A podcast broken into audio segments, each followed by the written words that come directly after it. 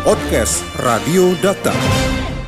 Rekan Dakta Komisi Fatwa Majelis Ulama Indonesia Pusat akhirnya menetapkan vaksin COVID-19 produksi Sinovac halal dan suci digunakan. Dan kita akan membahasnya bersama dengan Ketua MUI Bidang Halal dan Ekonomi Syariah Solahuddin Al-Ayub. Dakta Radio, bijak dan cerdas. Assalamualaikum, selamat malam Pak Ayub. Waalaikumsalam warahmatullahi wabarakatuh. Ya, apa langkah selanjutnya dari MUI setelah memastikan vaksin Sinovac ini halal dan suci?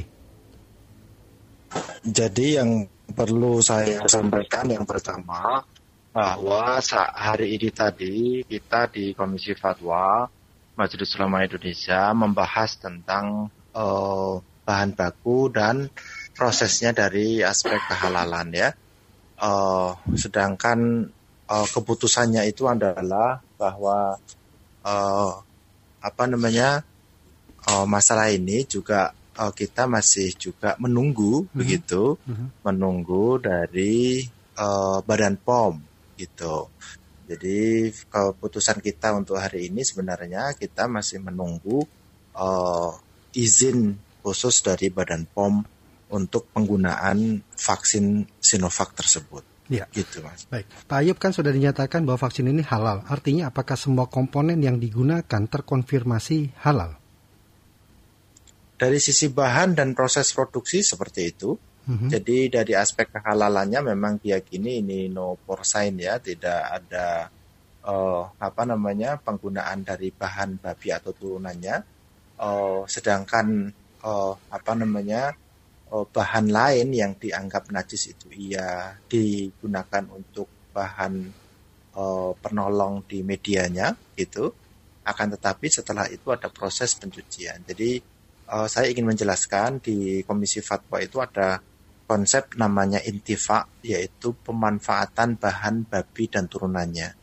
Kalau proses vaksin itu melewati proses penggunaan bahan yang terdiri dari bahan babi atau turunan babi, maka saat itu terkena konsep intifa pemanfaatan dari babi dan saat itu juga sudah ditetapkan bahwa ini tidak bisa dilanjutkan dalam proses dalam proses kehalalannya. Ya. Namun kalau misalnya dia itu dalam uh, uh, tahapan proses produksinya itu di media dia itu menggunakan gitu ya bahan penolong bahan najis selain babi itu itu boleh dilanjutkan prosesnya selagi ada proses pencucian yang dibenarkan secara syariat. Mm-hmm. Gitu karena nanti di end produknya itu di produk akhirnya itu adalah vaksin tersebut harus dipurifikasi, harus dicuci dan dipurifikasi dibersihkan uh, dari semua residu di bahan uh, uh, media yang uh, digunakan untuk produksi uh, sebelumnya. Jadi di produk akhir itu mereka dipurifikasi. Nah, proses tadi uh, menurut laporan dari tim auditor kami itu uh, apa namanya ada bahan najis di medianya, namun demikian setelah itu ada proses uh, pencucian yang dibenarkan secara syar'i atau tathir syara'an namanya, sehingga di proses akhirnya uh, sudah bersih dan uh, bisa dikategorikan sebagai uh, vaksin yang halal ya. seperti itu. Jadi sekali lagi kami ulang bahwa dari uh, bahan dan juga setelah melalui proses produksinya, maka MUI menyatakan bahwa vaksin ini adalah halal. Iya, jadi catatannya yang saya sebutkan tadi, meskipun vaksin itu halal dalam hal penggunaannya, jadi harus dicatat mhm. penggunaannya mm -hmm. itu harus memenuhi kriteria keamanan ya sesuatu yang halal harus uh, apa namanya toyibnya itu harus di uh, apa di, uh, diperhatikan.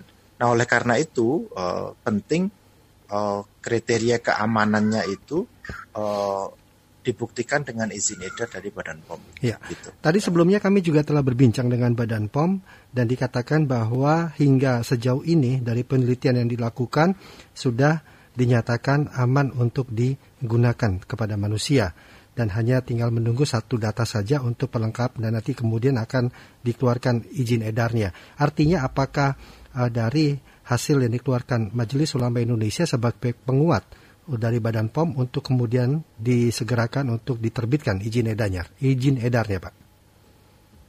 Kalau Badan POM sudah menyatakan seperti itu, alhamdulillah ini hmm. berarti uh, seiring dan sejalan namun demikian Majelis Ulama Indonesia memberikan kewenangan penuh ya, mempercayakan penuh masalah ini masalah itu kepada Badan POM gitu ya karena memang itu adalah kewenangan mereka dan kita uh, apa namanya uh, apa namanya lebih fokus pada masalah kehalalan. Jadi baik. kalau informasinya seperti itu, alhamdulillah itu malah kabar baik menurut saya.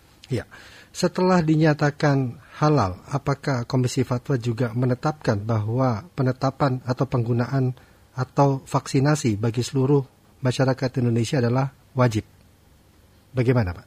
Jadi gini, oh, sam tadi itu kita belum membahas terkait dengan itu ya. Hmm. Uh, Komisi Fatwa belum menetapkan ketetapan tentang itu terkait itu.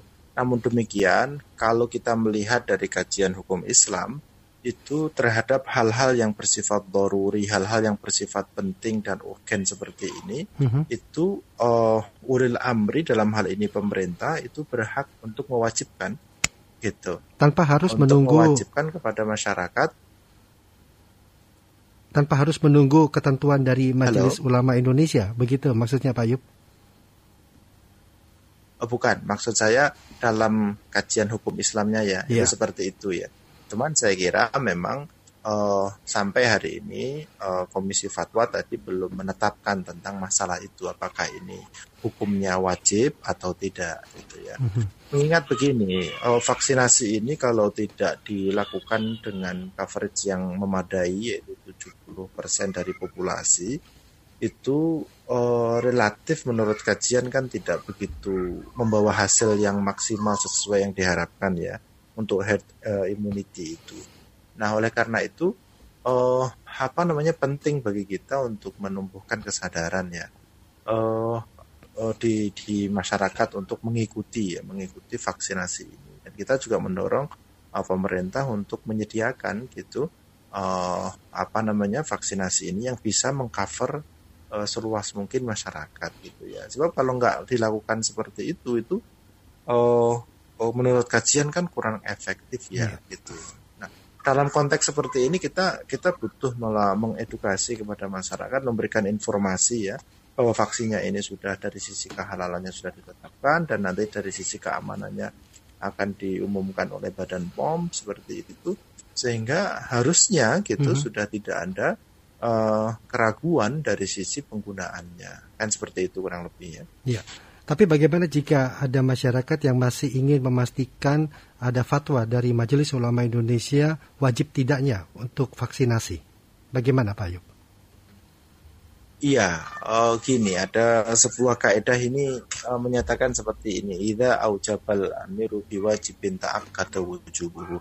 Jika uh, apa penguasa uh, ulil amri itu mewajibkan sesuatu yang menurut ajaran agama itu wajib, mm-hmm. maka hukumnya itu uh, wajib yang sangat kuat, sangat wajib itu mm. tak kata wujud.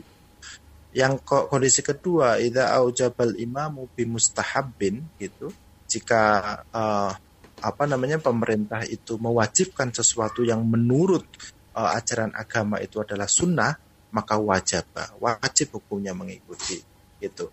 Yang kondisi ketiga, ida aujabal imamu bi uh, mubahin in kana fi maslahah wajib. Jika pemerintah atau negara itu mewajibkan sesuatu yang menurut syariat itu adalah mubah, jadi dimubah diwajibkan oleh pemerintah, kar kalau itu ada kemaslahatan maka secara syar'i hukumnya menjadi wajib juga. Mm-hmm. Nah ini kaidah ini kaidah yang sangat penting untuk kehidupan fikih siasi kita dan kita lihat kalau kondisi untuk masalah uh, uh, penghilangan mitigasi pandemi ini kita harus harus berpikir agak lebih komprehensif gitu kita memikirnya bukan hanya diri sendiri tapi adalah komunitas dan negara kita gitu Ya. Kalau tidak uh, im, uh, imunisasi ini atau vaksinasi ini tidak dilakukan dengan coverage yang lebih luas, itu tidak bisa membawa hasil yang lebih optimal gitu. Nah, yang kayak begini harusnya dinarasikan terus gitu. Mm -hmm supaya kita memberikan pencerahan kepada masyarakat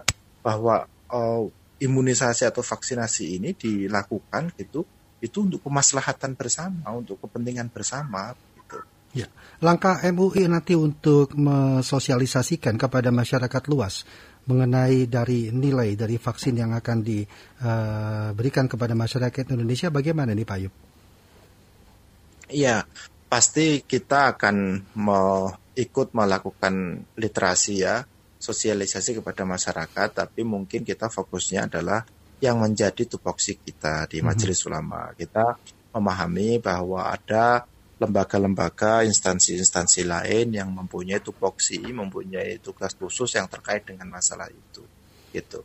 Yeah. Uh, nah kita akan akan be, akan ikut uh, secara optimal ikut membantu mensosialisasikan sesuai dengan tupoksi yang ada di Majelis Ulama, yeah. seperti itu, Pak. Tetapi jika kenyataannya di masyarakat ada yang menolak, bagaimana uh, eh, MUI memberikan penjelasan atau pemahamannya? Kita perlu melakukan pendekatan yang persuasif, persuasif saya kira ya. Uh, apa namanya dilakukan oleh berbagai pihak. Uh, ini kan perangkat negara ini kan mulai dari kepala negara sampai ke tingkat RT kan begitu kan. ya kita uh, melakukan uh, edukasi, persuasi dan saya memang saya khusnudan saya mempunyai uh, apa namanya optimisme bahwa masyarakat Indonesia saya kira uh, kalau diberikan apa pemahaman yang memadai dan apa adanya gitu menurut saya gitu yang tidak ditutup-tutupi gitu menurut saya itu saya kira bisa menilai dan bisa menerima dengan baik. Gitu. Yeah. Nah memang sekarang ini yang akan menjadi persoalan ini memang uh, apa namanya berita-berita yang tidak akurat ya berita-berita bohong yang sengaja di nggak tahu kita sengaja atau tidak diproduksi untuk membuat bingung masyarakat gitu. Hmm. Misalnya kayak berita bahwa uh, uh, di Brasil itu tidak me, tidak mau menggunakan uh, vaksin Sinovac ini misalnya hmm. yang kayak gitu. Padahal berita itu tidak benar. Kemudian pemerintah uh, Cina gitu mengimpor vaksin lain uh, uh, karena itu menandakan dia nggak mau vaksin hmm. Sinovac yang kayak gitu kita harus memberikan edukasi, memberikan uh, apa namanya uh, pemberitaan yang yang sejujurnya yang sewajarnya gitu yang yang yang sebenarnya gitu. Yeah. Nah kita juga harus menyampaikan sebenarnya kalau misalnya ada sesuatu yang ini uh, tidak bisa di apa namanya dilakukan atau di uh, ada hal-hal yang tidak bisa dianu kita juga harus harus me menyampaikan kepada masyarakat misalnya untuk vaksinasi ini tidak bisa dilakukan untuk kategori orang yang punya penyakit ABC misalnya kayak gitu. Mm -hmm. Ini saat ini kita belum belum belum apa mendengar uh, kampanye yang lebih uh, lebih masif terkait dengan itu. Hal-hal semacam itu saya kira penting untuk di, disampaikan kepada masyarakat sehingga masyarakat itu mempunyai informasi yang cukup terkait dengan masalah ini gitu Pak. Baik. Pak Yop rencananya kan pemerintah selain menggunakan vaksin uh, produksi Sinovac juga akan menggunakan produksi lain yaitu kalau tidak salah AstraZeneca buatan Inggris. Apakah Majelis Ulama juga diminta sudah melakukan penelitian atau nantinya bahkan ke depannya akan melakukan fatwa halal atau tidaknya vaksin tersebut. Bagaimana Pak?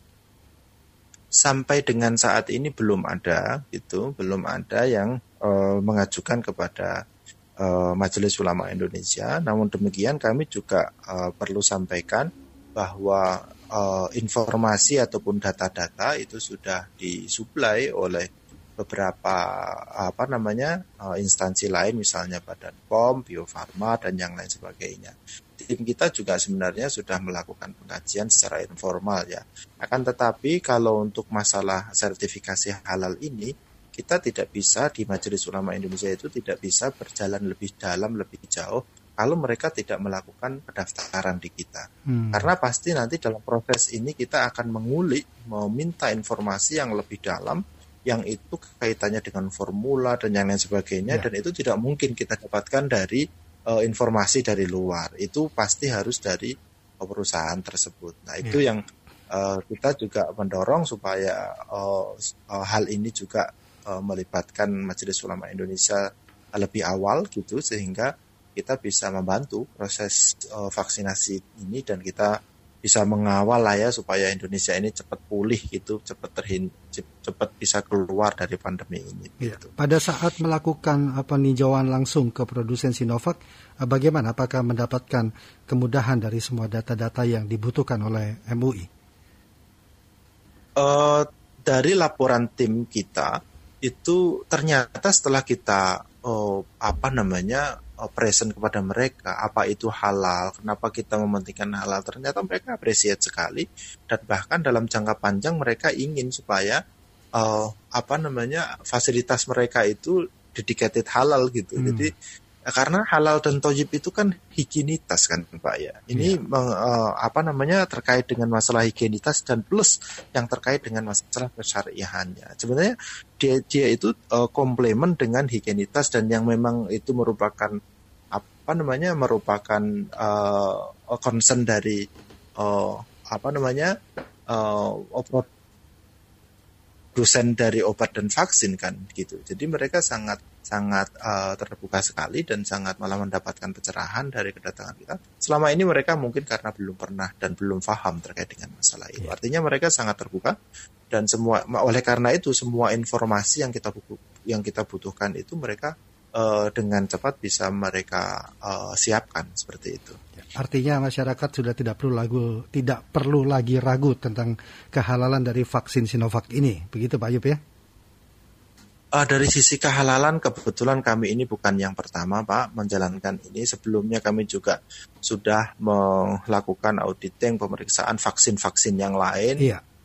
Semenjak tahun 2000-an vaksin polio artinya ini adalah sesuatu yang sudah biasa bagi kami mm-hmm. dan uh, kita mempunyai uh, eh, SDM yang memang uh, spesialis di bidang itu ya. Uh, oleh karena itu ketika kita, kita melakukan uh, auditing itu kita menurunkan tim audit yang uh, memang sudah berpengalaman dari sisi uh, kevaksin dan lah seperti itu kurang Baik. Terakhir, apa yang bisa Pak Ayub sampaikan kepada rekan dakta khususnya terkait dengan kehalalan dari vaksin ini dan tidak ada lagi keraguan dari masyarakat untuk melakukan vaksinasi? Ya, uh, Majelis Ulama Indonesia uh, apa namanya dengan kesadaran uh, uh, mengambil peran gitu ya, mengambil peran dengan tupoksi yang dimiliki oleh Majelis Ulama Indonesia untuk kita ini segera terhindar dari uh, pandemi ini gitu. Dan oleh karena itu menurut saya uh, pandemi ini tidak bisa dilawan hanya oleh satu atau dua orang, ada satu dua pihak. Harus dilawan bersama-sama, harus dihadapi bersama-sama. Oleh karena itu kebersamaan masyarakat ini menjadi faktor yang penting. Saatnya sekarang menurut saya itu kita lebih mengedepankan uh, apa namanya kebersamaan itu untuk uh, apa keluar bersama lah ya melawan dan menghindari pandemi ini. Saya kira itu. Baik. Podcast Radio Data. Anda cukup masuk ke mesin pencari Google atau lainnya dan tinggal mengetik podcast Radio Data. Podcast Radio Data, aktual dan informatif.